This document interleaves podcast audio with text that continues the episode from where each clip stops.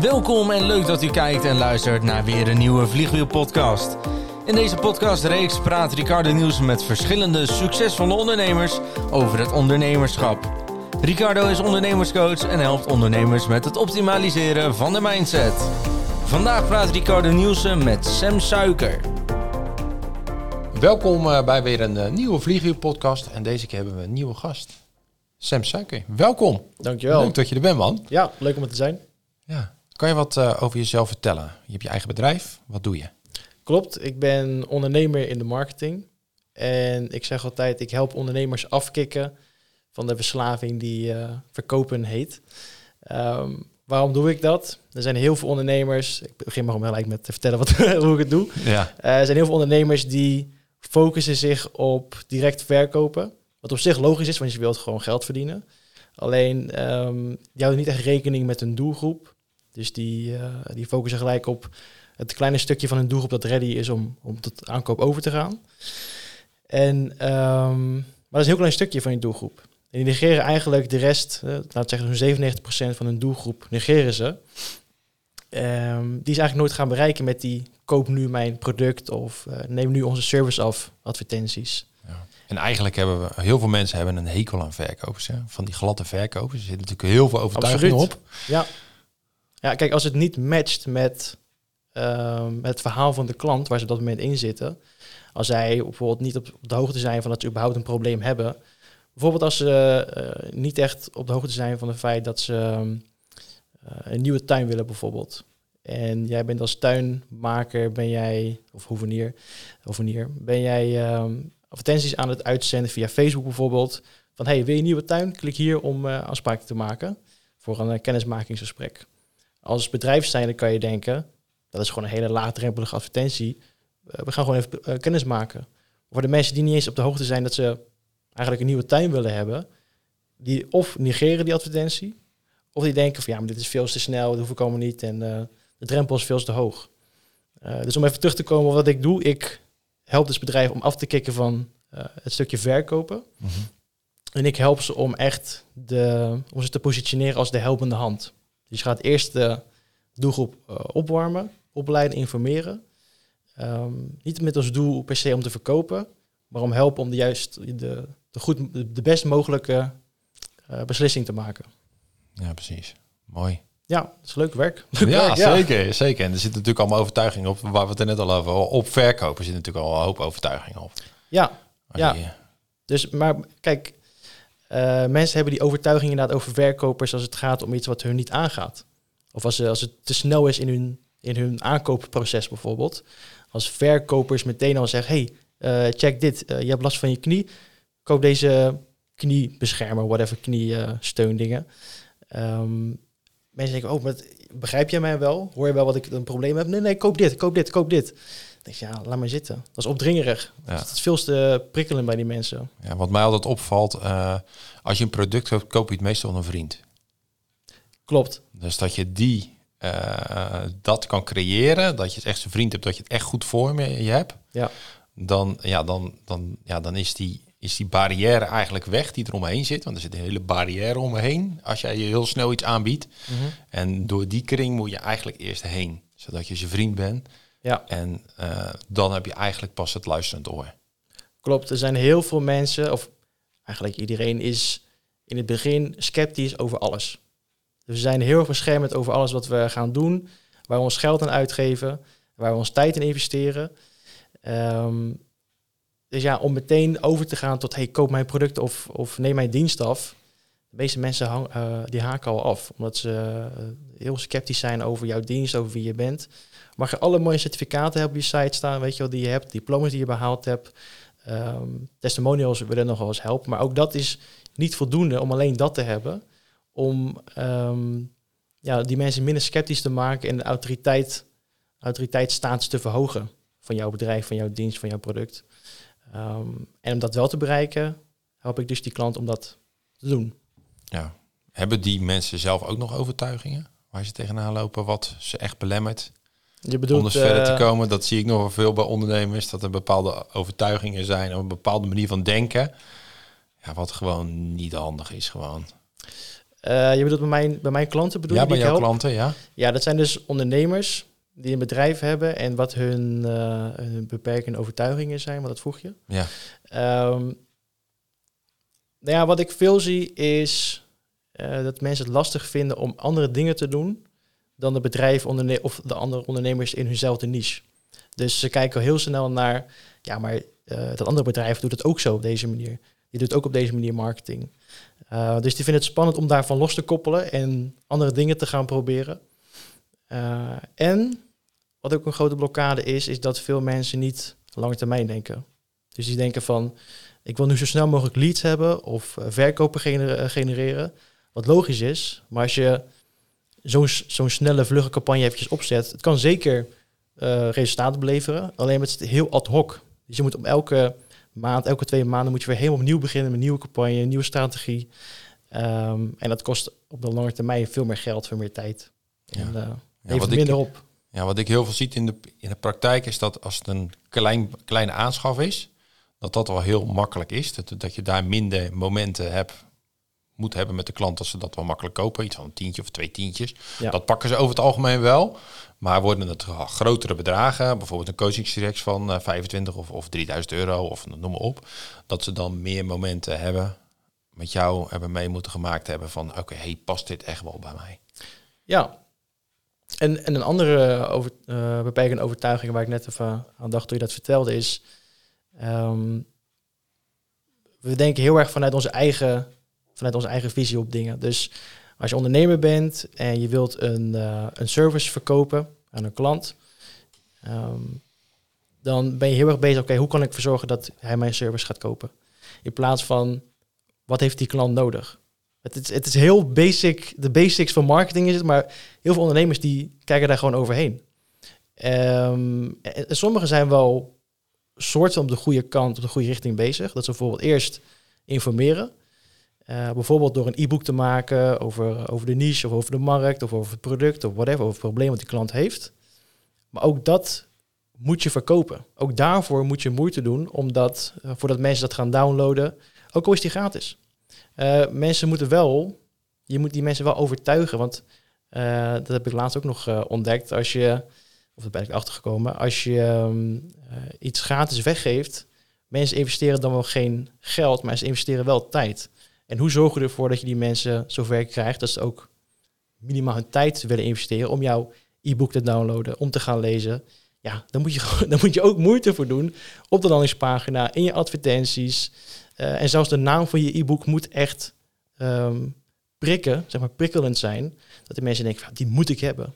Ja. Dus in plaats van uh, een e-boekje maken of een flyer maken, uh, waarin jouw bedrijf helemaal mooi gepresenteerd wordt, ga als je, doe dat alsjeblieft niet en focus op het probleem van je klant. En help die persoon zo goed mogelijk. Um, en zorg ervoor dat je e-book of weggeven, whatever, niet een soort showcase wordt van jouw bedrijf. Maar dat het gaat van um, nice to have naar must have. Dat is mooi, ja. ik zie, ik zie uh, is het dan ook uh, echt in de emotie raken bij degene voor wie het is? Ja. Want een emotie geeft natuurlijk een, een ja, motion, zeg het al, een beweging. En uh, ja, dan, ja, als je hem dan met de communicatie, waar je net al zei, hem dan kan raken, ja, dan ga je hem echt in beweging brengen. Ja, uh, raken op emotie is heel belangrijk. Misschien wel het meest belangrijk om te gaan doen eigenlijk. Heel veel mensen die gaan zitten op de, op de eigenschappen van hun producten of van hun diensten. En zeker in een bepaald stadion in die aankoopfase is het belangrijk om te weten hoe groot iets is, hoe lang iets duurt, um, andere eigenschappen, welke kleur het is bijvoorbeeld, hoe snel het geleverd kan worden. Maar dat is natuurlijk niet waar mensen mee beginnen. De meeste mensen die zijn koud, daar bedoel ik mee mensen die jouw product of service nog niet kennen, of zelfs nog niet eens weten dat ze het nodig hebben of moeten hebben. En die zijn met hele andere dingen bezig. Die zijn bezig met, om een voorbeeld te geven van de, van de nieuwe tuin bijvoorbeeld. Als je um, mensen die zijn daar wel geïnteresseerd in. Alleen die weten heel vroeg in het stadium van het aankoopproces, weten ze nog niet dat ze een tuin willen hebben. Wat ze wel weten, is dat ze jaloers zijn op de buren. Of dat elke keer als de uh, als visite langskomt, dat er op een gegeven moment dat ze toch een beetje zich schamen voor hoe hun tuin erbij ligt. Ja. Alleen ze beseffen nog niet van misschien is het interessant te gaan kijken naar een hoeveniersbedrijf die mijn, eh, die mijn tuin kan gaan opknappen. Ja, dus de emotie is er wel, Ja. alleen ze kunnen dat nog niet koppelen aan de vraag. Klopt. Ja, ja dat is mooi. En, en zo pas jij meer de, de marketing toe op een dieper niveau in principe, wat je, wat je doet. Ja. ja, wat er in de marketing space, in, vooral in Nederland in ieder geval, wat ik opmerk, is dat er gesproken wordt over marketing, terwijl heel veel marketingbureaus alleen maar aan adverteren doen. Is op zich niet zo erg, maar geef dat dan ook aan. Mar- Nou, wat, wat mij heel erg frustreert, daarom vind ik dit wel even een stukje erom erin te gaan. Ik heb ook heel veel ondernemers die dus een marketingsbureau hebben in, ingeschakeld. En dan weten ze nog ineens eh, wat het bedrijf precies doet, wat het, wat het betekent voor het bedrijf. Eh, echt puur wat jij net zegt, alleen het zichtbaarheid. Ja, alleen met zichtbaarheid kom je er gewoon niet gewoon. Klopt. Dus eigenlijk gooi je echt je geld letterlijk weg. Ja, voor het grootste gedeelte wel. Ja, want hoe dat zit is... ehm, kijk, iedereen die een, een bankrekening heeft en een Facebook-profiel... kan bij wijze van spreken gewoon ehm, verkeer kopen om naar je site toe te komen. Dat is helemaal niet moeilijk. Dat is helemaal niet moeilijk. Of je kunt een Google Ads-campagne draaien... zodat mensen naar jouw site toe komen. Ehm, dus verkeer kopen is helemaal geen issue, is helemaal niet moeilijk. Maar het gaat erom het hele, hele verhaal eromheen. Dus snap je waar je doelgroep mee zit? Snap je waar je doelgroep heen wilt? Eh er zijn hele basic vragen die heel veel marketingbureaus, heel veel marketeers het liefst overslaan. Omdat het een beetje eh, saaiig is. Het is heel droog. Je moet eh, veel gaan schrijven, je moet onderzoek gaan doen. Het leukste natuurlijk aan marketing, althans dat vind ik ook wel, is de advertenties maken en dan de koppelingen maken en de resultaten zien. Maar dat is pas een van de allerlaatste stappen van het hele, hele marketingproces. Ja. Dus je gaat eerst analyse doen, doelgroeponderzoek, kijken wat eh, een offer is wat je voor je klanten kan maken, dat het aantrekkelijk genoeg is voor die mensen om ze naar binnen te halen. En dan ga je daarmee adverteren. Maar de meeste marketingbureaus die skippen dat allemaal. Die denken nou, laat maar zitten. Eh, we gaan meteen adverteren, zodat je gelijk mensen naar je site hebt eh, komen. Ja. Als er maar genoeg mensen komen, dan komt het allemaal wel goed. Ja, we Ja. hoop- hopen dat er Ja. mensen blijven hangen aan het eind van het lijntje. Ja. ja, maar opa zei altijd hopen doet niet verkopen. Precies. Ja, je moet een goed plan hebben, jongen, zei hij. Ja. Ja. En heel veel eh, marketeers en heel veel ondernemers die hopen dat ze, eh, als ze een campagne lanceren, dat het, eh, dat het wel goed komt. En ik, ik neem het de ondernemers die geen verstand hebben van marketing of het adverteren, neem ik het absoluut niet kwalijk. Want ik snap die logica absoluut. Van hey, ik heb een product of een dienst, dus ik ga het vertellen en ik wil daarmee klanten aantrekken. Maar marketingbureaus en marketeers die heel het marketingstuk overslaan en direct overgaan naar de allerlaatste stap adverteren, ja, die, die kan ik het wel kwalijk nemen. ja. Dat is ook de, de eerste stuk waar ik altijd mee begin. Als ik een coaching begin. Wat is je visie en je missie? Ja, Wat wil je uitstralen? En wat, ja, wat, heb je, wat wil je nou eigenlijk verkopen? Wat is ja, echt puur positionering.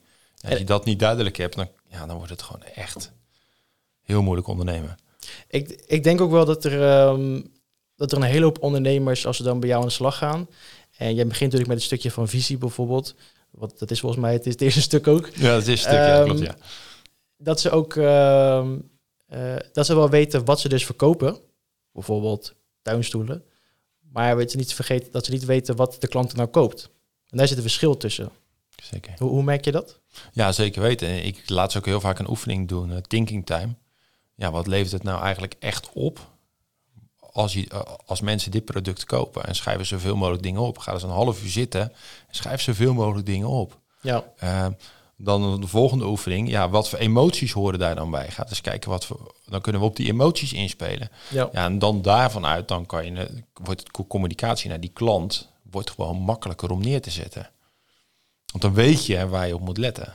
Ja, ja en dat is, eh, dat is een heel goed punt. Dat is goed dat je dat doet. Want er zijn heel veel ondernemers die ik help met marketing, die, ja, ze weten wel wat ze verkopen, maar ze weten niet wat de klant koopt. En daar zit een heel groot verschil tussen. Ja. En als je alleen maar gaat focussen op hetgeen wat je verkoopt en je gaat dat promoten met een advertentie bijvoorbeeld, zijn heel weinig mensen die daarop gaan converteren. Maar kun je intunen op wat de klant nou daadwerkelijk koopt? Hè? Is het nou zekerheid? Is het meer aanzien? Eh, is het meer eh, een betere positie in de relatiesfeer bijvoorbeeld? Als je daarop kan intunen en daarom een bericht en een hele campagne omheen kan bedenken, dan komt dat veel meer binnen bij mensen. En dan wordt het in plaats van verkopen, wordt het helpen. Mhm. Ehm, En ik wil ook heel veel ondernemers, of eigenlijk ondernemers en marketingbureaus uitdagen om zich meer te gaan focussen op mensen helpen in plaats van verkopen. Ja, en voor veel mensen klinkt het ook anders. Hè? Ik laat de mensen wel eens uitspreken van, nou ja, zeg nou eens, ik wil dit product verkopen. Of ik wil mijn klant hiermee helpen. En dan zie je dus gewoon dat, dat de lading van de woorden al anders is, omdat daar allemaal overtuigingen en allemaal aannames en ja, noem maar op allemaal op zitten. Want bijna iedereen wil zijn klant wel helpen om Ja. verder te komen. Ja. Dus, ja, en de mensen die het niet willen, die, eh, ja, die gaan ook niet heel ver komen. Of zijn niet heel erg van Nou, lange houdbaarheid. Nou, meestal houden die het meestal niet zo lang voor. Precies, de houdbaarheid. eh, Dat komt toch gewoon een keer boven water. Ja, zeker weten. Zeker weten. En eh, zo'n campagne, jij maakt dan echt een campagne met die mensen. Hoe, hoe ziet er dat uit? Is, is dat stappen? Of hoe, hoe, werkt dat? Ja, ehm, waar ik altijd mee begin is een doelgroep en marktonderzoek. Dat doe ik deels met de klant en eh, grotendeels eigenlijk zelf. Ik ga kijken wat ik online kan vinden over de doelgroep. Ehm, wat ook heel goed werkt is bij productrecensies bij andere producten kijken. Hoe mensen reageren, hoe zij in hun eigen woorden reageren over die producten. Ehm, ik, eh, alle marketeers die luisteren mogen ook die tip gewoon overnemen. Alsjeblieft, doe het. Help die klant zo goed mogelijk. Ehm, en, en dat werkt heel goed. En dan doen we dus markt- en, eh, markt- en doelgroeponderzoek. Vervolgens ga ik kijken, oké, wat is... eh, Want je kunt verschillende dingen intunen bij zo'n doelgroep, wat aan zou kunnen slaan. En ik maak dan een voorstel en een conclusie uit dat onderzoek... wat het meest interessant zou zijn om ehm, aan te prijzen bij die doelgroep. En hoe we dat kunnen verwoorden. Nou, op basis daarvan gaan we eigenlijk alle content maken. Zoals de landingspagina, eh, een weggever eventueel... eh, en eventueel een mailcampagne. Ja, en bedoel je dan een klantenreis? Want die maak ik ook altijd. Maar bedoel je dan een klantenreis? Het eerste moment, tweede moment, derde moment, vierde moment, vijfde moment? Ja, dat is een heel funnel. Dus ehm, wat ook uniek is aan mijn aanpak van, van Marketel, dat is mijn, eh, van mijn marketingonderneming, is dat ik alles uit handen neem van de klant. Er zijn heel veel marketingbureaus die doen enkel advertenties bijvoorbeeld en die verwijzen de um, advertentie dan naar de klant, naar de website van de klant. Alleen de website van de klant is meestal gewoon een showcase over de klant. In plaats van een eh, behulpzaam formulier of een behulpzame landingspagina voor de klant. Eh, het resultaat daarvan is dat die campagnes dus wel veel kliks opleveren, vaak, maar niet de juiste conversies op de site. En in plaats van dat ze dan zeggen, nou, de campagne loopt goed, alleen jullie site is niet zo goed, niet zo goed. Ja, dat, dat gaat er bij mij niet in. Dus ehm, ik neem liefst gewoon alles over. Ik ga niet heel je site opnieuw opmaken, maar ik ga wel de landingspagina's eh, vormgeven en, en schrijven. Zodat die campagne eh, samen met de landingspagina de meeste kans op succes heeft. Ja. ja, en dan zie je weer dat het stukje communicatie in dit stuk het belangrijkste is eigenlijk. Wat, wat, sta je, wat zet je nou op die site? Ja, ja, precies. En ehm, we hadden het in het begin hadden we het over ehm, uh, overtuigingen over verkopers bijvoorbeeld. Heel veel mensen die hebben daar nare ideeën bij. Wat ik kan begrijpen, omdat heel veel verkopers alleen maar zitten op verkopen. dus Ja. er zit ook een beetje in de naam. Ze hebben daar ook wel pech mee. Ehm, en wat verkopers doen is manipulatie. Ze manipuleren van de klant. En manipuleren heeft ook een hele slechte naam. Terwijl manipulatie op zich is niet slecht. Het is gewoon een middel. En wat ik mensen wil meegeven, marketeers, ondernemers en alles, is om de, het, het beïnvloeden, het manipuleren, voor het positieve te gebruiken. Dus beïnvloed iemand niet om een aankoop te doen, maar beïnvloed iemand om die zo goed mogelijk te helpen de juiste keuze te maken. Ja. En dan ben je goed bezig. Ja. Kan er ook voor zorgen dat iemand zegt, nou, ik denk niet dat jullie iets voor mij zijn. En dat is ook goed. Dat wil je ook. Je wilt dat iemand uh, van tevoren al kan zien, uh, wij zijn waarschijnlijk geen match. Dat je dan in plaats van dat je er uh, later in het proces achterkomt, dat je weer naar een gesprek krijgt, dat je slechte reviews krijgt achteraf. Want jullie Ja. waren toch geen goede match. Nee. nee, je wil gewoon geen mensen hebben die je niet gewoon kan leveren. Nee, precies. Maar heel veel bedrijven denken, uh, zoveel mogelijk klanten verzamelen, dat is het beste idee. Ja. Je wilt eigenlijk zoveel mogelijk de juiste klanten verzamelen. Ja. Nou ja, je, je moet de verwachting waarmaken. Ook. Kijk, mensen verwachten iets. En als jij dat niet waar kan maken en het liefst nog iets dat je iets meer kan geven, want dan krijg je echt fans. Krijg echt mensen die, die met je weglopen. Ja. En dat stukje managen, dat zie je dus heel vaak foutgaand in de marketing. Dan zie je, dan zie je ze echt het, het wel verkopen. ze halen ze ook echt wel binnen. Ja. Maar ja, ja, de recensies zijn zo belachelijk. Ja, dan ga je, ga je onderuit gewoon. ja, dat is heel erg zonde. Dus er is heel weinig echt in tune mee. wat is de grootste uitdaging om uh, in de marketing? Wat is de grootste uitdaging, vind je, denk jij? Wat is de grootste uitdaging in de marketing? Ik denk voor ondernemers die het zelf doen, Mhm. is dat ze wel grote, veel grote blinde vlekken hebben. Dus wat ik in het begin ook al aangaf, ze willen voornamelijk praten over zichzelf in plaats van over de potentiële klant. En even tussen jou en mij, de klanten geven helemaal niks om jou. Hoe aardig en hoe tof je ook bent. Het gaat erom dat jij hun, op, dat jij hun probleem kan oplossen. Ehm, het helpt natuurlijk als je een toffe peer bent, absoluut. Dus je moet niet mensen gaan uitzelden. Nee. Maar zij komen niet bij jou voor jou. Ze komen bij jou voor zichzelf, omdat zij hun probleem opgelost willen hebben. Ja. En als jij kan laten zien aan die potentiële klant, ik begrijp jou, ik hoor jou, ik voel helemaal wat je, wat je wilt bereiken. Probeer dit eens. Ja? Aan de hand van wat wij dus allemaal uh, we net geconstateerd hebben. Dan is het veel beter in plaats van dat je, in plaats van dat je überhaupt gaat luisteren, dat je meteen ook of hey, dit is mijn product, check dit, koop dit. Je hebt Ja, toch, al- je hebt willen toch veel te snel de oplossing ja, bieden. je hebt er last van je knie, koop dan. Ja, ja, je wil snel. Ik, ik, ik zie dat veel ondernemers te snel de oplossing willen bieden.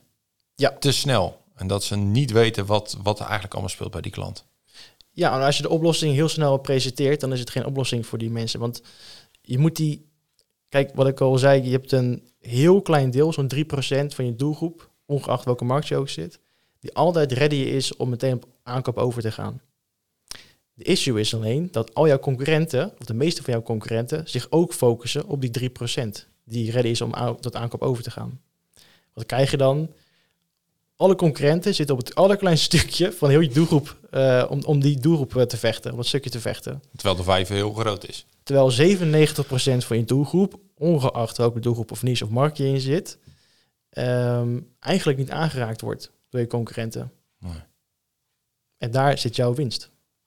Ja, en de meeste kans dat je dat je, je klant binnenhaalt. Precies. Kijk, Ja. als jij al ehm, de allereerste grote, grootste deel van de groepen kan meenemen naar jouw verhaal toe, zonder dat je ze gaat verkopen. Hè. Je gaat ze eerst gewoon helpen. En hey, eh, heb je hier last van? Probeer dit eens. Nou, niet probeer dit eens, want dan geef gelijk de oplossing. Ja, Uh, maar dat je wat tips geeft en zonder je product naar voren te schrijven, echt helpen, echt opleiden, opwarmen van die doelgroep. Dat ze, wanneer ze ready zijn om dus tot aankoop over te gaan, wat trouwens heel eh, snel kan gaan als je het goed doet. Je hoeft echt niet maanden te wachten voordat mensen opgewarmd zijn. Ehm, maar als je al zo vroeg in het verhaal stapt van je potentiële klant, van je, van je doelgroep, ja, dan gaan jouw concurrenten niet eens opvallen. Dan komen ze niet eens in de buurt van je concurrent. Nee, je, je ziet een bepaalde dingen zie je voorbij komen. Hè. De, de, die is die gunfactor, die moet je hebben. Eh, het moet echt wel duidelijk passen bij mijn behoeften die ik heb, waar ik last van heb. Mhm. Ehm, ik moet jou toch wel een stukje als de expert zien. We zien van, oh, hey, wacht even, wat hij nu vertelt. Dat is echt wel heel interessant. Ja. Een track record is toch wel, is ook wel belangrijk. Dat je iets van recensies voorbij ziet komen. Wat nog meer? Wat nog meer? Nou, sowieso geduld. Weet je, En geduld. Ja. Ja. eh, er zijn heel veel bedrijven die meteen tot aankoop over willen gaan. Wat jij net ook zelf al zei. Ja. Ehm, dat zie ik ook bij veel marketingbureaus. Die zijn op zoek naar klanten, zodat zij hun marketingbureau omhoog kunnen houden. Ja, ja ik, ik moet gelijk denken. Ik, ik, ik vind nog wel eens leuk als iemand dan een berichtje stuurt van... Hey, ja, ik weet precies hoe het gaat organisch. Van ja, ik zag je voorbij komen. Leuk wat je doet. eh, het hypnose vliegwiel. Zou ik wel meer willen over willen weten. Maar ja, ze willen natuurlijk alleen wat verkopen. En dan kreeg hij dus een snelle jongen aan de... Nou, ik had, van de week had ik er weer eentje. Nou, eh, oké. eh, nou, ik kan je daar en daar mee helpen. Ik zei, ja, super tof man. Wat gaaf. Maar weet je wel wat ik doe dan? En dan is stil, ja, maar je doet toch dat en dat. Ik zeg, ja, maar doe ik dat echt? Waar help ik die mensen dan echt mee? Ja, dan kunnen ze nog ineens benoemen wat, waar ik ze echt mee help. Dus even, eh, even kort door de bocht natuurlijk. Uh, maar als die persoon eerst vragen had gesteld van oké, waar help je ze mee en hoe gaat dat dan? En Ja. dan had hij dus in het, het in de oplossing bieden, had, had hij mij nog kunnen laten herhalen dat ik zijn vriend was. Van oké, hey, van uh, dit voelt goed, ik, ik word begrepen. Nou, hoe zou dat er dan uitzien als je, als je met mij aan de slag zou gaan? Dan kunnen we dit doen, een stukje oplossing. En als je dat beter had ingekleed, Ja. en daarna had kunnen zeggen van, nou, zal ik je daarmee helpen? Zullen we een afspraak inplannen? Dan had ik die klik gevoeld en dan had ik echt gezien van, hé, hey, dat, ja, dit wil ik. Absoluut. En als je het zelf al in dat gesprek ook nog eens een keer zegt en het herhaalt. En het bevestigd hebt dat dat de oplossing is. Ja, dan, dan ga je bijna geen nee meer zeggen. Nee, ik denk dat je ook wel merkt in, die, in, die, ehm, in het gesprek, wat je zelf ook al zegt. Cold calling, ik ben er zelf geen fan van, maar het kan absoluut werken. Zeker. Mits je het goed doet. Dus als hij wat meer vragen had gesteld, interesse had getoond, maar nu komt hij meteen om het, oh, je zou vast wel dit eh, probleem hebben. Ik heb hier gelijk de oplossing voor je. Ja. Dus je voelt je helemaal niet gehoord. Je voelt je helemaal niet gezien door die verkoper. Ehm, en dat is zonde. Ja, en in een verkoopgesprek, in zo'n gesprek, ja, je hebt, je hebt één mond, je hebt twee oren. Dus je moet twee keer zoveel luisteren dan dat je praat. Absoluut. En wie, en wie vraagt, is in de, in, de, in de leading eigenlijk. Die heeft de leiding over het gesprek. Die Ja. kan het gesprek sturen. En, en nu je dit zo zegt, ik had ook een. ehm, ik heb ook gemerkt dat wanneer klanten naar jou toe komen, in plaats van wanneer de, het bedrijf naar jou toe komt, hè, bijvoorbeeld met een cold calling, Ja, ehm, dat je veel sterker staat. zeker. Dus je kunt. Cold calling kan absoluut werken, maar ik ben meer fan van iemand of van je doelgroep eerst opwarmen en begeleiden en helpen. En dat zij op een gegeven moment dus uit zichzelf een call met jou gaan inplannen. Niet helemaal uit zichzelf, het helpt natuurlijk om die keuze te maken. Maar als je cold gaat mailen of cold gaat bellen, dan is het toch een beetje van, hey, ehm, ik, ik ga je helpen en wil je alsjeblieft op een call komen met mij? Of kan je met mij ehm, je, je betaling doen bij mij voor mijn service? Waar je, als je aan de andere kant dus wat meer low-key, meer soft marketing doet, een beetje opleiden, een beetje opwarmen, informeren, overtuigen. En vervolgens die mensen naar een eh Kennedy pagina leiden, bijvoorbeeld om een gesprek in te plannen.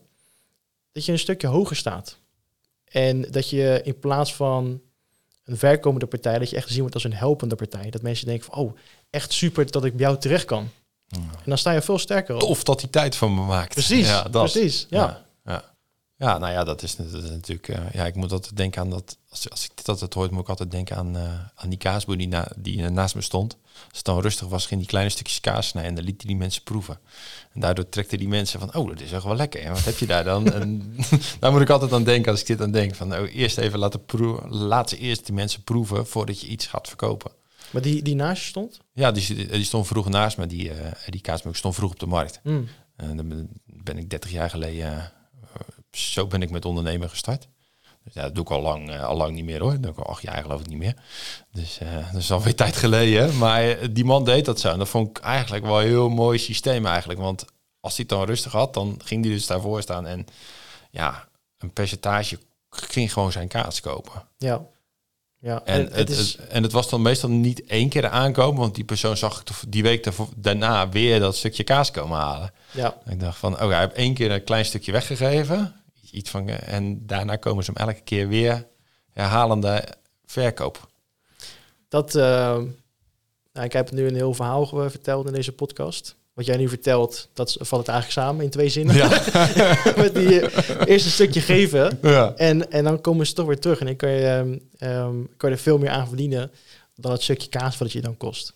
Ja. Dat is veel beter. Maar heel veel bedrijven zijn gewoon bang om daarin te investeren. Omdat het... ehm, kijk, je kunt ook die stukjes kaas, om daarop te blijven, kun je ook uitdelen. En dat mensen denken, oh lekker. En dan niet, niet meteen dat aankoop overgaan. Maar je hebt wel iets gegeven.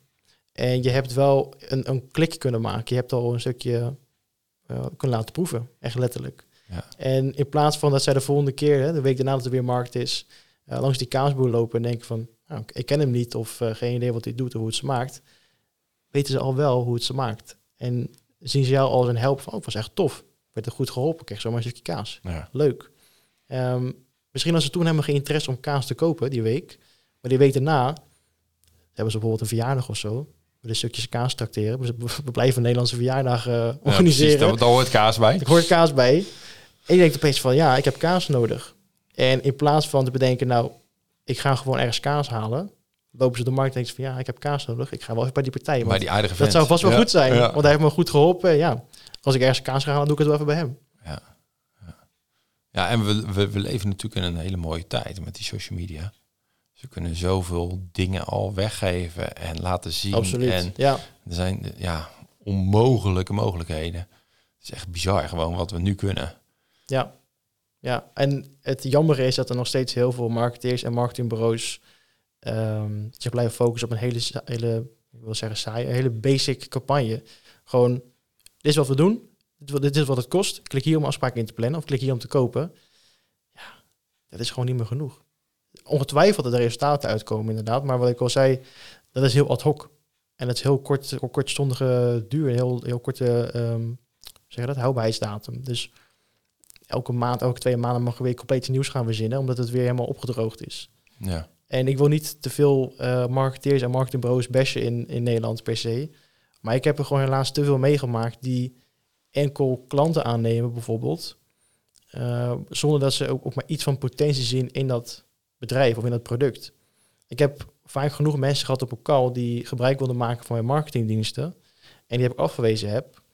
Ja, ik, ik kon dat geld toen goed gebruiken van die mensen. Maar ik ga jouw geld niet gebruiken omdat ik het nodig heb. Ik ga jou alleen aannemen als klant als ik ook weet, eh, of als ik in zekere zin zeker weet natuurlijk, Mhm. ik kan resultaten voor jouw business bereiken. Ja. Want dat ligt niet alleen aan mij. De marketing is deel 1, maar de delivery, volgende stuk, dat je het ook echt gaat, eh, gaat leveren, eh, moet ook goed zijn. ja, en dat is wel heel mooi wat je zegt. En oprecht. Ja, ik, ik kan ook niet anders. Ik heb te veel meegemaakt dat het niet goed zat en dat het niet werkte. Mhm. Ehm, en dat zorgt er ook voor dat er heel veel stress bij is bij de marketeers, maar ook bij de klant zelf. En op een gegeven moment zit die klant niet meer te betalen om resultaat voor zichzelf te behalen, Ja. eh, maar gewoon het marketingbureau omhoog te houden en, en het precies. personeel te kunnen betalen. Ja. Ja. En dat is gewoon niet eh, hoe het hoort. Ja. ja, en dat is natuurlijk wel een, het, het stukje het oprecht helpen. Eh, ja, dat zie je bij, bij een hoop zie je dat wel eens voorbij komen. Ja, En, en heel vaak kan je het wel als ondernemer neerzetten. Door bepaald iets te leren, het gemeente, een, een kader te maken van... hey, deze personen kan ik echt helpen ja. met dit stuk. Maar komen ze met dit en dit, ja, dan, dan, dan wordt het lastig. Eh, bijvoorbeeld, nou ja, ik, een, een, een ondernemer die start, is over het algemeen moeilijk het op te starten. Want daar heb je een hele fase eh, dat het heel vaak fout gaat. Dus, eh, dus de, de eerste de, de ondernemers die beginnen, die eh, de eerste twee jaar valt eh 65, misschien wel 70 procent. Die haalt het gewoon niet. Dus ja, dan moet je ook wel realistisch zijn. Van als je Ja. met een starter begint, van ja, dat moet je wel framen. Ja, want anders, anders krijg je een verwachting die je misschien niet waar kan maken.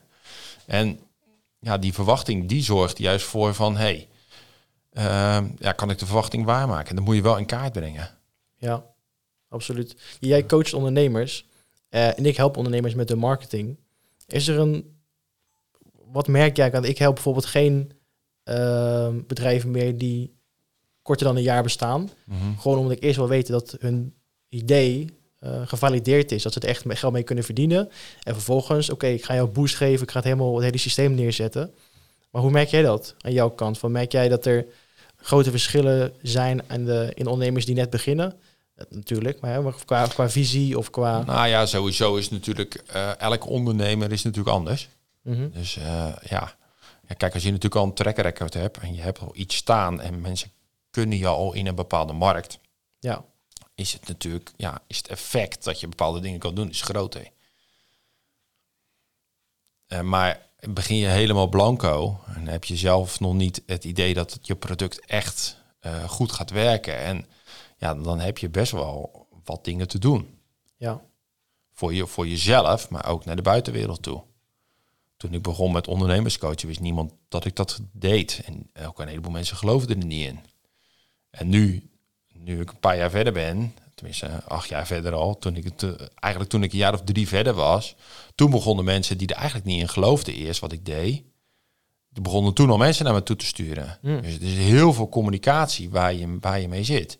En de basis van je communicatie bepaalt natuurlijk waar je naartoe wil. Dus je, je hebt best wel mensen die beginnen dat je denkt van, oh, wacht even, die hebben echt wel een goed frame, goed product. En daar geloof ik in. Ja, dan wil ik met ze werken. Maar heb ik echt, komen ze, komen ze met iets dat ik denk van, oh, hier kan ik gewoon niet achter staan. ja, Ja, ga ik het gewoon niet doen. Of heb ik het idee van, hé, hey, dit, dit werkt niet in de markt. Of, of dat hij zit niemand op te wachten. Ja, dan ben ik ook heel, eh, gewoon heel eerlijk van, hey, dit, ik geloof hier niet in. Ik ga dit niet doen. Het is misschien, eh, ja. En dan stuur je iemand wel weg wat je zegt. ja, Maar ehm, ja, dan, dan, dan, dan, dan geef ik hem wel een opdracht van, ga dit eerst dit en dit uitzoeken, ga dit eerst dit en dit doen. En ga dan kijken, want da- daarna kan je altijd nog instappen. Dus Je zou vast wel herkennen ook wel dat de ondernemers die net beginnen en versus de ondernemers die al een paar jaar bezig zijn en al wat personeel hebben bijvoorbeeld, dat die andere prioriteiten hebben. Dus die prioriteiten verschillen. In het begin is het heel erg gefocust op we moeten nu zo snel mogelijk geld maken om het ehm, überhaupt draaiende te hebben en er vervolgens te houden. En de mensen die al, of de ondernemers die al wat langer draaien, wat een business hebben staan, die focussen zich vaker op uh, lange termijnvisie. Dus die ehm, hoe zorgen we ervoor dat we niet alleen vandaag klanten hebben, maar ook volgend jaar en het jaar erop en het jaar erop. Ja. En dat merk ik ook in de klanten die ik aanneem. In het begin heb ik nog wel klanten geholpen die net begonnen, ehm, omdat die ja, wat makkelijker te bereiken zijn of minder te overtuigen. Maar dat doe ik niet meer, doe ik niet meer aannemen, want het is voor hun veel, um, veel te kostig, zeg maar. De kosten zijn te hoog daarin. Niet dat ik duur ben, maar ik vraag zeker wel een goede prijs voor het werk. Want zodra we klaar zijn, staat er echt een goed systeem. Niet voor een weekje, maar gewoon voor een jaar, twee jaar, drie jaar. Uh, dat gewoon klanten aanlevert. Maar ja, dat kan ook even duren. Minimaal vier weken, acht weken, opzet, testen. Um, want marketing is gewoon trial and error. En als je op een gegeven moment een klant hebt en die moet volgende, volgende maand de huur betalen, die heeft geen geld, dus die ze geeft zijn laatste geld uit aan een marketeer van ja, om weer wat advertenties gaan draaien, want dan misschien kan ik nog klanten winnen. Ja, ik, die neem ik niet aan. En ik wil ook oproepen om alle marketeers en marketingbureaus die dat gaan doen, die het wel doen, niet meer te doen. Um, want focus gewoon op die juist de best mogelijke hulp te geven, in plaats van alleen maar het geld aan, te nemen.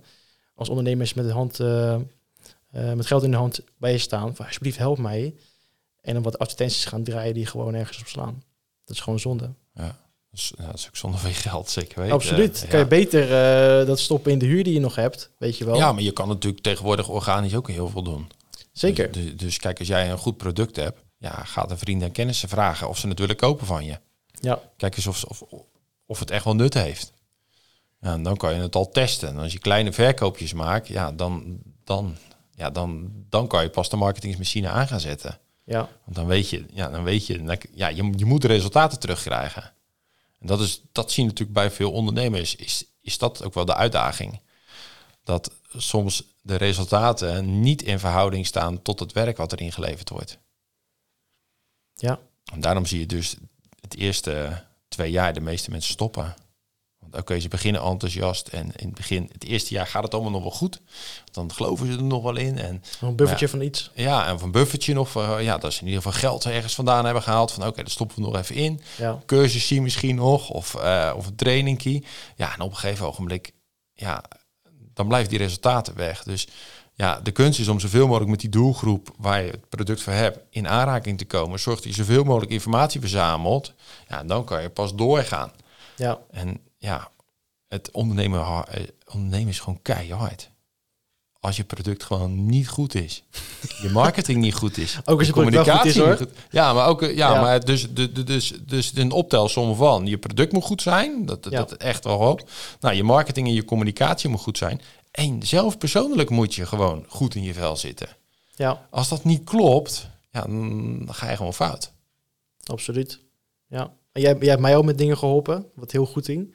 Uh, je helpt andere ondernemers, help jij. Ja. Ik help ondernemers met dus hun, uh, hun service aan de man brengen. Ja. Uh, maar jij hebt jouw hypnose vliegwiel waar je allemaal een paar keer door, doorheen genomen hebt. Um, en het stukje geld valt, is, is natuurlijk eigenlijk waar heel veel dingen mee vallen of, opstaan, of vallen of staan. Um, wat merk jij qua geld bij de ondernemers die jij helpt? Nou ja, geld is het bloed van je onderneming. Ja. Als, als er geen bloed, dus het, het, ja, als er geen bloed door je lichaam heen gaat, nou dat is hetzelfde als geld. Als er geen geld door de onderneming heen gaat, gebeurt er niks. Dus ja, dan, dan is het gewoon klaar. Ja. Dus de kunst is dat je, dat je gewoon geld door die onderneming laat komen. Ja, en dan in verhouding natuurlijk dat er meer binnenkomt dan, dan dat eruit gaat. Ja, en bij die onderneming, wij hebben allemaal overtuiging over geld. We hebben bijvoorbeeld allemaal een plafond wat we durven te vragen voor een bepaald iets. En daar hebben we allemaal uh, verhalen voor verzonnen voor onszelf. Wat ja, moet je afvragen of dat de werkelijkheid is. En heel vaak merk je dat dat de werkelijkheid niet is. Dus we praten het ons een stukje, een stuk aan gewoon. En dat, ja, dat is door opvoeding, eh, hoe we bepaalde dingen zien en perceptie, hoe we ergens naar kijken. Ja, en heel vaak helpt dat niet in het ondernemerschap. Nee, nee, zeker. Is dat ook zo dat je dan met, ehm, met ondernemers gaat kijken hoe dat gaat oplossen? Ehm, want in mijn mening kun je echt niet verder, verdere stappen zetten als je je mindset over geld ehm, en dan met name de prijzen die je vraagt of durft te vragen kloppen. Want er zijn heel veel ondernemers die zijn heel goed in wat ze doen en die verdienen echt veel meer klanten. Maar er zijn bedrijven of ondernemers die uh, ja, minder goed zijn wat ze doen, in hetzelfde wat ze doen dan. Uh, maar die wel echt goed floreren financieel gezien.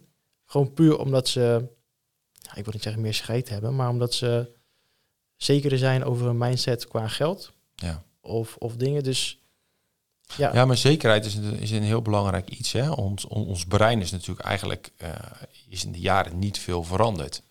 Toen we, toen we, toen we, toen we vroeger leefden bijvoorbeeld, nou, we stonden wel echt op overlevingsstand. Daar staan we nu nog op. Ja? ja. En eigenlijk, uh, we leefden toen in kleine groepen.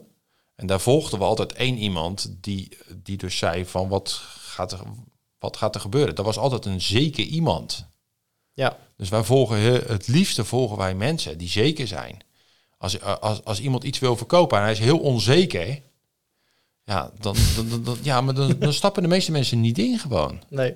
En er zijn een heleboel onderzoeken uh, uh, naar gedaan. Ja, dat dat gewoon niet gebeurt. Dus als jij onzeker bent over je product, dat, dat je bang bent dat het misschien niet goed genoeg is. Of je bent onzeker over de prijs die je vraagt. Ja, wordt het wel heel lastig om je product te verkopen. En je ziet het in alles terug. Je ziet het in de communicatie. Ja. Je ziet het in de energie, hoe ze erbij staan. Uh, je ziet het aan de kwaliteit, hoe ze leven. Want als jij er niet echt in gelooft, ja, hoe, hoe hard ga je er dan voor? Uh, je ziet het in leiderschap, want je gaat andere mensen nooit meekrijgen in jouw plannen. Dat gaat gewoon niet lukken. Nou, dan zie je het in lef. Want lef is niks anders hoe jij de toekomst ziet. Nou, als jij de toekomst uh, niet zo rooskleurig ziet, gaat het ook niet lukken. En je ziet het in de routines. Dus al die zeven stukken van het, van hypnose vliegwiel, zie je het gewoon in terug. Dus als je dat niet verandert, ja, dan blijf je gewoon op een bepaald niveau zitten. Ja. En, en natuurlijk heb je een resultaat nodig, hè? Maar de resultaten zijn ook uh, die jij zelf ziet. Dus je kan heel onzeker zijn, blijven, dat je bepaalde dingen niet goed doet, terwijl je onderweg heel veel dingen goed doet.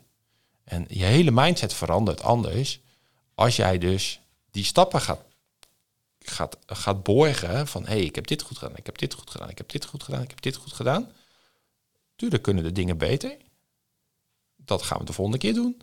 Maar nu is het gewoon goed. Nu heb ik dit gewoon goed gedaan. En het hele ondernemerschap is natuurlijk best wel een onzeker iets. Op elk niveau zit er bij die ondernemer zit er iets onzekers in. Ja, als je met dat aan de slag gaat, wat daar zit, en je, en je hebt dat onzekere gevoel niet meer, je kan daar zekerder in worden, ja, krijg je nog meer mensen mee. Heel mooi omschreven. Ja. uh, het stuk wat je zegt, dat je, dat je mensen eerst mee moet krijgen voordat ze tot aankoop overgaan bijvoorbeeld. Als Ja. je klant worden. ja, Dat herken ik echt heel erg.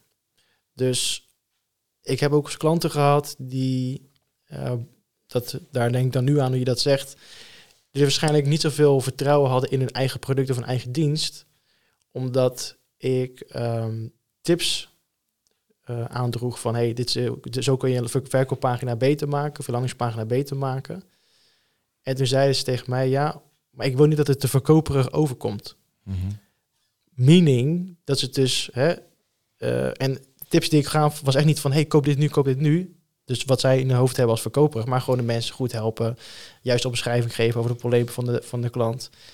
En ik denk dat het voornamelijk komt ook uit de zekerheid over een product. Van hoe zeker ben jij van jouw product of dienst, dat het dus, die, dat het dus het probleem kan oplossen van de klant. Eh, en als je daar dus niet zo zeker over bent, dan ben je liever wat meer coulant in je teksten, wat meer vanille, vanille teksten schrijven. Van, Ja. nou, een beetje, nou, we doen dit. Nou, dan klik je, ja, ik kan hier klikken om een mailtje te sturen. Ja, of, je eh, kan hier klikken als je dat misschien leuk vindt. Ja. Ehm, dus dat is nul vertrouwen. Dus als die ondernemer er zelf al geen vertrouwen in heeft, waarom moet die klant er dan vertrouwen in hebben? Dus dat, dat vind ik wel een tof punt. En dat zie ik ook veel terug. Ja, Ja, het is, het is een heel groot, groot punt. Maar ook als je, als je groter groeit met je bedrijf. Als het groter wordt, ja, hoeveel vertrouwen heb je er dan in? ja, Ja, ik denk dat elke keer met elke nieuwe stap, een groter pand of grotere klantenkring of eh, personeel aannemen en dan derde personeel en dan vierde personeelslid. Eh, correct me if I'm wrong, maar volgens mij moet je elke, weer, elke keer weer door een nieuw plafond heen. En dan moet je echt met je overtuigingen weer opnieuw beginnen. Van oké, eh, tot hier kon ik het aan en was het goed en, en mocht ik het of zoiets of kon ik het aan. Maar goed, nu de nieuwe stap. Ja. Vijf man personeel, tien man personeel. Dat is niet niks. Dus hoe, hoe zie je dat bij jouw klanten? Bij de mensen die jij coacht? Nou ja, je ziet natuurlijk dat, dat, eh, dat 99,5 procent Dat is veel. eh, eh, je allemaal on, on- onbewust doet. Dus je doet bijna alles onbewust. Dus, dus en, en dat zie je ook heel vaak bij die ondernemers ook. Ja, ze zijn tot een bepaald niveau gekomen dat ze onbewust een heleboel patronen doen. En ja, je bent ineens een ander persoon als je dus door een bepaald plafond heen gaat. Ja, Mensen zien je anders, eh, mensen verwachten dingen anders, je moet dingen anders doen voor je bedrijf, dus je krijgt ineens een heleboel rollen erbij. Eh, bijvoorbeeld als je als ondernemer start, ja, dan ben je ineens boekhouder, ben je ineens marketeer, ben je ineens, eh, wat ben je dan meer? Vormgever, vormgever, eh, relaties, sales. relaties, sales, ja, noem maar op. Je bent ineens website bouwen, ja, als je het allemaal zelf doet. Ja. Maar op een gegeven ogenblik, als je dus geld gaat verdienen, ja, dan ga je dus andere mensen inzetten in jouw plannen. Ja, Ja, en die dingen moet je ook los kunnen laten. En je ziet ook heel vaak bij ondernemers, ja, ik wil het wel uitbesteden, eh, maar het gaat niet zo goed, want ik kan het toch beter. En dan gaan ze het weer zelf doen. Ja, en, maar dat soort stapjes, daar moet je dus doorheen. En, en, en als dat groter groeit, heb je dus elke keer weer een stap waar je dingen, bepaalde dingen los moet laten. ja, En ja, dan ben je dus wel een ander persoon. Kijk, als jij een, een, een persoon bent die leiding moet geven over heel veel mensen, ben je iemand anders dan die voor zichzelf werkt ja. eh, eh, in, in je eentje. Ja, daar heb je hele andere capaciteiten nodig. Ik zie wel eens mensen die, die ehm, van, van 0 naar 100 zijn gegaan met een onderneming. Dat ze echt heel snel heel hard zijn gegroeid. Mhm. En op een gegeven moment op een bepaald platform blijven, een bepaald niveau blijven van oké, tot hier. En dan ook niet meer verder groeien. En ik kan me heel goed voorstellen dat ze dat ook bewust doen. Dat ze gewoon bewust niet meer verder gaan, omdat het, het hoeft niet per se. Eh, je hoeft natuurlijk niet, je hoeft natuurlijk eigenlijk nooit, je hoeft natuurlijk nooit iets. Maar ehm, iedereen heeft wel zo'n bepaald beeld van oké, dat wil ik ongeveer bereiken of daar wil ik ongeveer heen gaan. Ik denk dat het voor sommige mensen ook wel gewoon oké is. En dat voor misschien voor buitenstaanders niet zo goed te bevatten is altijd. Stel dat ze maken een miljoen of 10 miljoen of 100 miljoen per jaar. En ze hebben alle middelen om, om het keer 10 te laten gaan, bijvoorbeeld nog een keer. Dat ze ervoor kiezen om het niet te doen. Nee. Is ook gewoon, dat is, ik kan het wel begrijpen. Als het gewoon goed is, is het gewoon goed. Ja. Eh, maar er Nou zijn heel ja. veel mensen aan de buitenkant die zeggen... ja, maar je kan toch nog meer, nog meer pakken, je kan nog meer pakken. Ja. Nou, het, het gaan om jouw interne drijven gaat het. Mm, Dus wat vind jij belangrijk? Kijk, eh, het, het- kijk als jij denkt van ah, het is eigenlijk wel prima zo, ik kan er goed van leven, ik kan vakantie en ik, ja, prima zo. ja, Ja, maar vind jij het bijvoorbeeld belangrijker van dat je denkt van ja, oh wacht even, het is misschien toch wel handig als ik een passief inkomen heb, want op deze, op dit tempo kan ik het niet volhouden bijvoorbeeld. Dan krijg je ineens een hele andere drijver. Dus een verhaal in jouw hoofd kan dan ineens veranderen als jij er andere dingen bij gaat halen. Je ineens denkt van, oh wacht even, het is eigenlijk toch best wel gaaf als ik deze auto kan kopen. Ja, Dan kan dat bijvoorbeeld een drijver zijn. Nou is een externe drijver natuurlijk niet zo heel erg handig, maar het kan op dat moment een drijver te zijn om dus meer geld te gaan verdienen. ja, Of hey, ik vind het eigenlijk toch wel tof als, eh, als er nog meer vrijheid in het ondernemen zat. Een hoop ondernemers kiezen van, hey, ik wil vrijheid, maar die hebben echt totaal geen vrijheid. Ja? Hoe, hoe hoe kan je dat dan inbouwen? Dus, dus het gaat echt om de interne drijven die jij aandacht geeft. En alles wat je aandacht geeft groeit.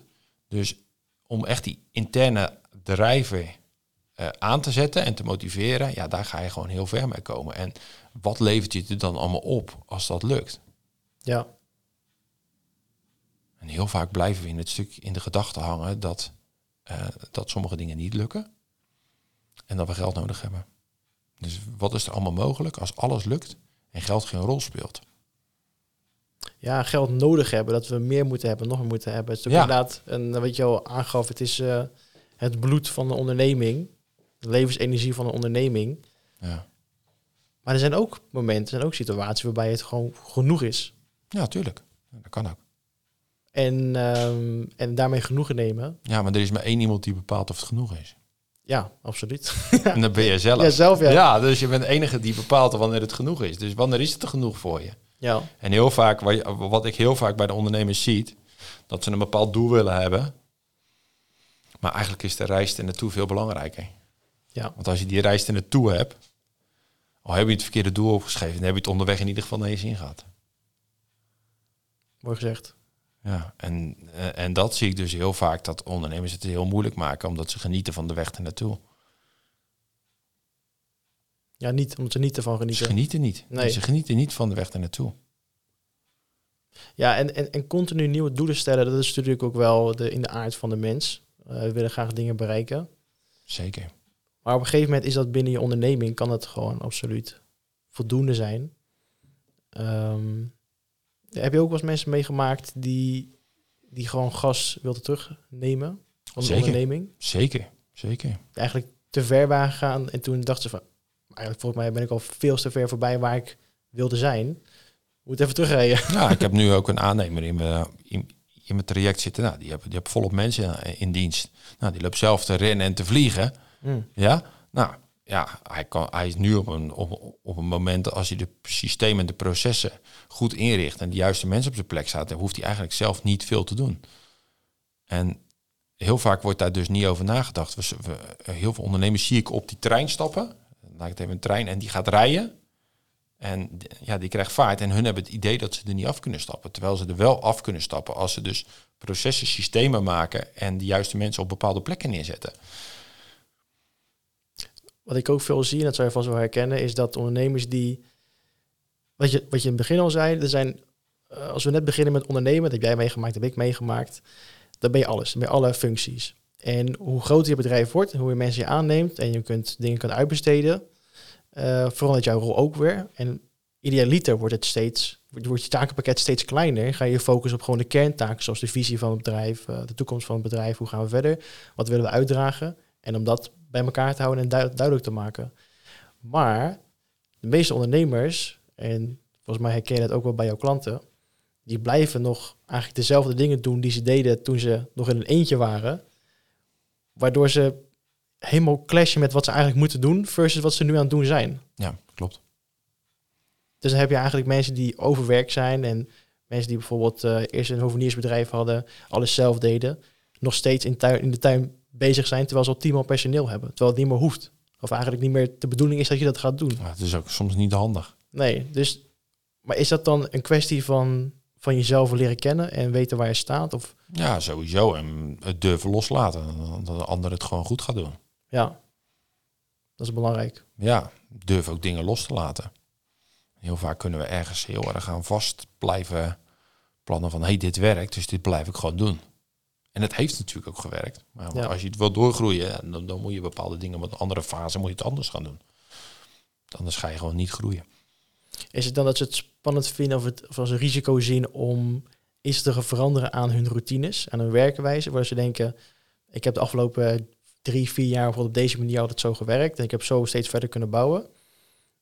Ik kan eigenlijk wel wat loslaten, maar ik vind het toch wel spannend om die taken niet meer uit te gaan voeren, want misschien verandert wel heel mijn business opeens. Misschien zakt het helemaal elkaar. Ja, nou ja, wat, ik, ik ga ook met zo'n ondernemer echt, want ik zeg je zit in een bepaalde hypnosebubbel. Dus in een bepaalde bubbel zit je met, met denken en gedrag en noem maar op allemaal.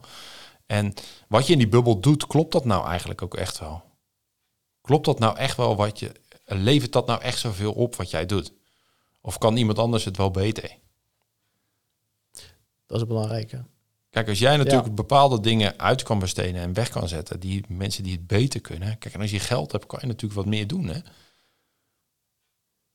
Dan, kan, dan ga je pas groeien. Ja. Dat is belangrijk. Dat je ook durft is- toe te geven dat andere mensen beter kunnen zijn in wat je dus deed, wat je er dus bij deed de hele Ja, tijd. Ook niet als hoofdtaak. Ja, dat noemen ze ook wel eens. Gewoon, het, het, het is gewoon een, een, een bubbel waar je in zit, een hypnosebubbel. Als je bijvoorbeeld de 20-80-regel toepast, ja, heel vaak zie je dat 20% van het werk 80% van de omzet oplevert. Ja, als je daar gaat schakelen, alleen al daar gaat schakelen, dat stuk. Ja, En als je die 20% dan ook nog eens een keer door iemand anders laat doen, ja, wat gebeurt er dan? ik, ik heb me in het begin echt zo enorm verkeken dat ik zo lang bezig was aan mijn eigen website bouwen. Terwijl, natuurlijk, je moet, je moet wel iets hebben waar mensen op terecht kunnen eh, komen, naar aanleiding van een link of whatever. Maar dat gaat jou geen geld opleveren. Dat is niet de snelste weg naar je eerste klanten. Je moet gewoon mensen gaan benaderen. Je moet ze laten zien, je moet ze gaan delen online, social media kanalen, LinkedIn, Instagram, Facebook. En dat hoef je echt niet de hele dag te doen. Maar wel gewoon die 20% wat je zegt. En dat gaat ook het meeste opleveren. Ja. En ik deed dat toen omgedraaid. ik was alleen maar bezig met alle statische dingen die pas bij stap 2 of stap 3 pas uh, van toepassing zijn. Ja. Ja, en als ik daar mee was begonnen, was het um, een stuk sneller gegaan. Gelukkig weet je dat nu. Dus ik focus nu alleen maar elke dag op van, oké, welke taken gaan mij het meeste resultaat opleveren op de korte termijn? Um, en dan, als je dat gedaan hebt, dan de taken die wat meer voor lange termijn zijn. Dus website uitbouwen, uitbouwen. Misschien denk aan een podcast om daar aflevering voor te maken. Maar dat is meer voor daarna. Eerst gewoon fixen dat je gewoon je klantenbestand hebt. Ja, ja en, en, en zorgen dat je in ieder geval uh, een hoop klanten spreekt. Ja. Want je krijgt antwoorden van de markt. En de markt verandert ook elke keer. En, uh, misschien wel een mooi stukje toen ik op de markt stond, had je van die loembandjes, van die elastiekjes, ken je dat? Mm. Nou, en dat, dat was ineens heel erg hot. En omdat ik een netwerk heb, kon ik die spullen heel goedkoop inkopen. Dus wat gebeurde? Nou, dat, dat ging natuurlijk dat ging perfect. Want er was zoveel vraag naar. Ja. En toen deed ik hier ook nog vanuit grossieren. Dus ik kon ook nog een keer die winkeliers en die jongens van de markt bevoorraden. ik. Dus dat ging, dat ging als een jekko. Nice. Ja. Maar het, het verhaal is met een rageartikel is dat het ineens ook over kan zijn. Dus ineens kan het wegvallen. Dus dan moet je naar de markt luisteren. Dus nou, dat, dat, is echt. Nou, wat is het? anderhalve maand is het echt verschrikkelijk booming geweest. Echt ontiegelijk gewoon. Het was niet aan te slepen gewoon. Ja. En toen ineens was het klaar. Maar omdat ik, omdat je dan contact hebt met de klant, krijgen die reacties terug. Want dus als je dat niet hebt, ja, dan, dan zou je misschien nog, als je dan nog een hele grote partij kan kopen, zou je die partij nog kopen. Want je denkt dat je het dan wel makkelijk kwijtraakt. Ja. En, en, en dat is ook het stukje van de, zo moeilijk van de markt. Om zo goed in te spelen op jouw klant. Wat wil jouw klant nou? Wat wil die? En op een gegeven ogenblik, ja, er veranderen dingen. Een heleboel dingen zijn veranderd. Kijk naar het, uh, naar het fototoestel. Ja, nou, ja, er worden nog fototoestels verkocht, maar niet meer die aantallen die toen verkocht worden. Cassettebandje. Nou, ik weet niet of jij dat nog mee hebt gemaakt. Cassettebandje heel, heel is, eventjes. is, heel volgens mij is het nog een, ja, het zal nog wel te koop zijn, maar Ja. bijna niet meer. Uh, CD's. Nou, CD, ik, uh, uh, je, je had vroeger gewoon in elke stad had je wel twee of drie CD-winkels zitten. Ja, helemaal weg. Ja. Dus, dus videobanden huren. Ja, Dus het is zo belangrijk om constant wel in contact te staan met die klant. Wat wil die klant nou en hoe kan ik die klant zo goed mogelijk helpen? En ik denk dat dat een van de basisregels is van het ondernemerschap. Absoluut. En daarmee ook in de marketing. En als je, uh, dat zie ik dan vaak gebeuren, dat mensen zich niet zozeer focussen op de markt, maar meer op het bedrijf zelf, op hun bedrijf. Dat ze kijken hoe kunnen we de service verbeteren, hoe kunnen we nog meer mensen aannemen. Mm -hmm. Wat op zich niet verkeerd is, dat is ook goed nee. om te doen. Maar dat is niet waar je winst gaat zitten, waar je de eerste mensen mee gaat aantrekken. Dus de, nee. de markt wil weten, je doelgroep wil weten, hoor je mij, snap je mij en voel je mijn pijn. Ja. En dan pas kun je iets aan, aan ze verkopen. Ja, precies. Ja. En dan kunnen ze natuurlijk wel zo goed te helpen dat het wel ambassadeurs worden. Ja, ja precies. Niet, niet aannemen en zeggen, nou bedankt voor je geldisch product, doei. Ja, en er, er, wordt ook heel veel onderschat uh, de marketing uh, gebruiken om dus klanten die al een keer iets eerder bij je gekocht hebben te benaderen.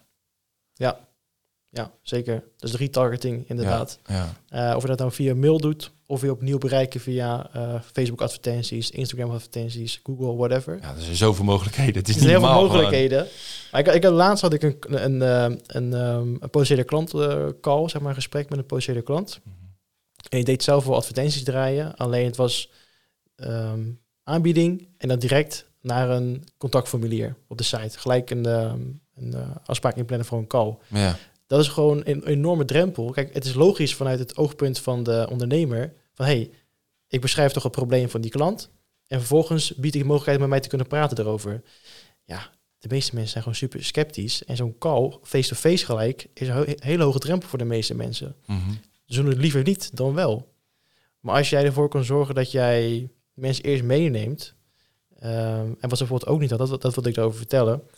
Over de retargeting. Ze stuurden allemaal mensen naar die landingspagina, Mhm. waar dan die agenda op stond om een afspraak in te plannen. Maar de meeste mensen plannen niet een call. Ik denk, nou, ze hadden iets van 400, 500 kliks. Misschien één of twee mensen die dan daadwerkelijk iets met die agenda heeft gedaan. Maar die 400, 500 mensen, daar heb je wel voor betaald aan Facebook om die naar je site toe te krijgen. Wat ze niet hadden staan, was een retargeting campagne. Dus die alle mensen die op die site, op die pagina waren geweest, opnieuw bereiken via Facebook ads. Dat zijn goedkopere kliks en het zijn warmere mensen. Dus die, ja, dus daar, wat je zegt, die mensen opnieuw bereiken, of ze nou een klant zijn geweest of enkel op je pagina zijn geweest, daar ligt nog ook nog heel veel winst te behalen. Ja, zeker. Ja, dat is mooi hè. Dan- Ze hebben toch een keertje interesse getoond, dus ze wouden toch iets van je hebben, want anders komen ze er niet zomaar op. Ja, absoluut. Ja. En dat is ook ehm, wat ik dus aanbied met Marketel. Gewoon een hele pakket. Gewoon een hele funnel, hele systeem wat dus klanten binnenhaalt, opnieuw bereikt, eh, nog een keer iets geeft of weer opnieuw bereiken.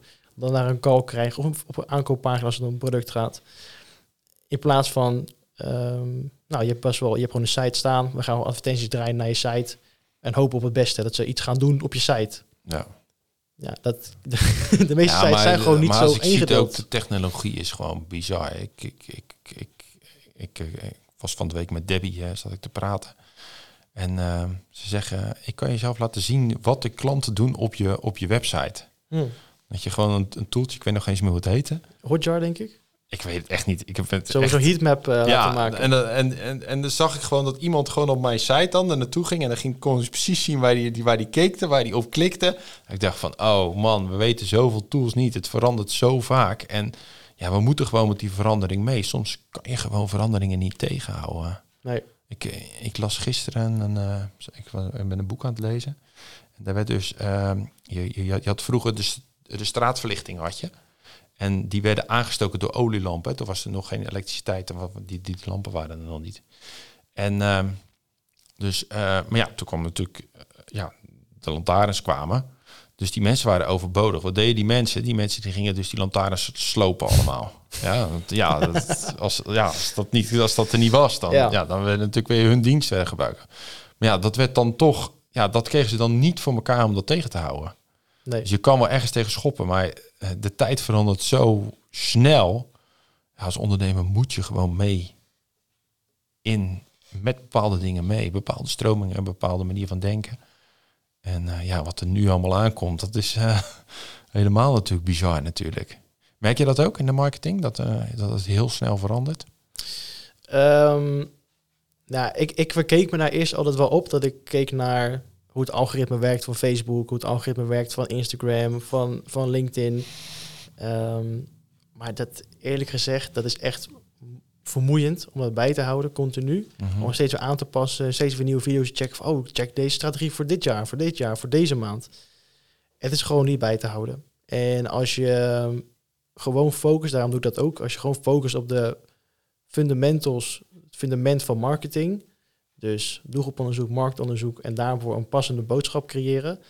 Dan maakt het niet uit wat voor algoritmeverandering er is, heeft plaatsgevonden. Dan weet je gewoon hoe je doelgroep moet aanspreken. Dus ja, er verandert een hoop, maar het is meer dat de tools veranderen Mhm. en niet zozeer de boodschap erachter. En waar kunnen ze jou vinden, Sam? Als ze meer van jou willen weten. Ze kunnen mij vinden op LinkedIn ben ik heel actief. Daar post ik dagelijks. Sam Suiker. Dus eh, S-E-M en dan suiker met een lange ei. En eh, mijn website voor mijn marketingonderneming is Marketel. Dus eh, marketing en dan tel in het Engels.nl. Eh, I tell your story through mark- eh, marketing. En dat is eh, waar ik op actief ben. Mooi, dankjewel voor deze mooie podcast, man. Dankjewel voor je tijd. Leuk om te zijn. Super. Hoi. Dit was de Vliegwiel podcast voor deze keer. Vond u deze podcast leuk? Blijf ons volgen. En wil je meer weten over Ricardo Nielsen? Ga dan naar de website www.meerwinstdoorhypnose.nl Tot ziens!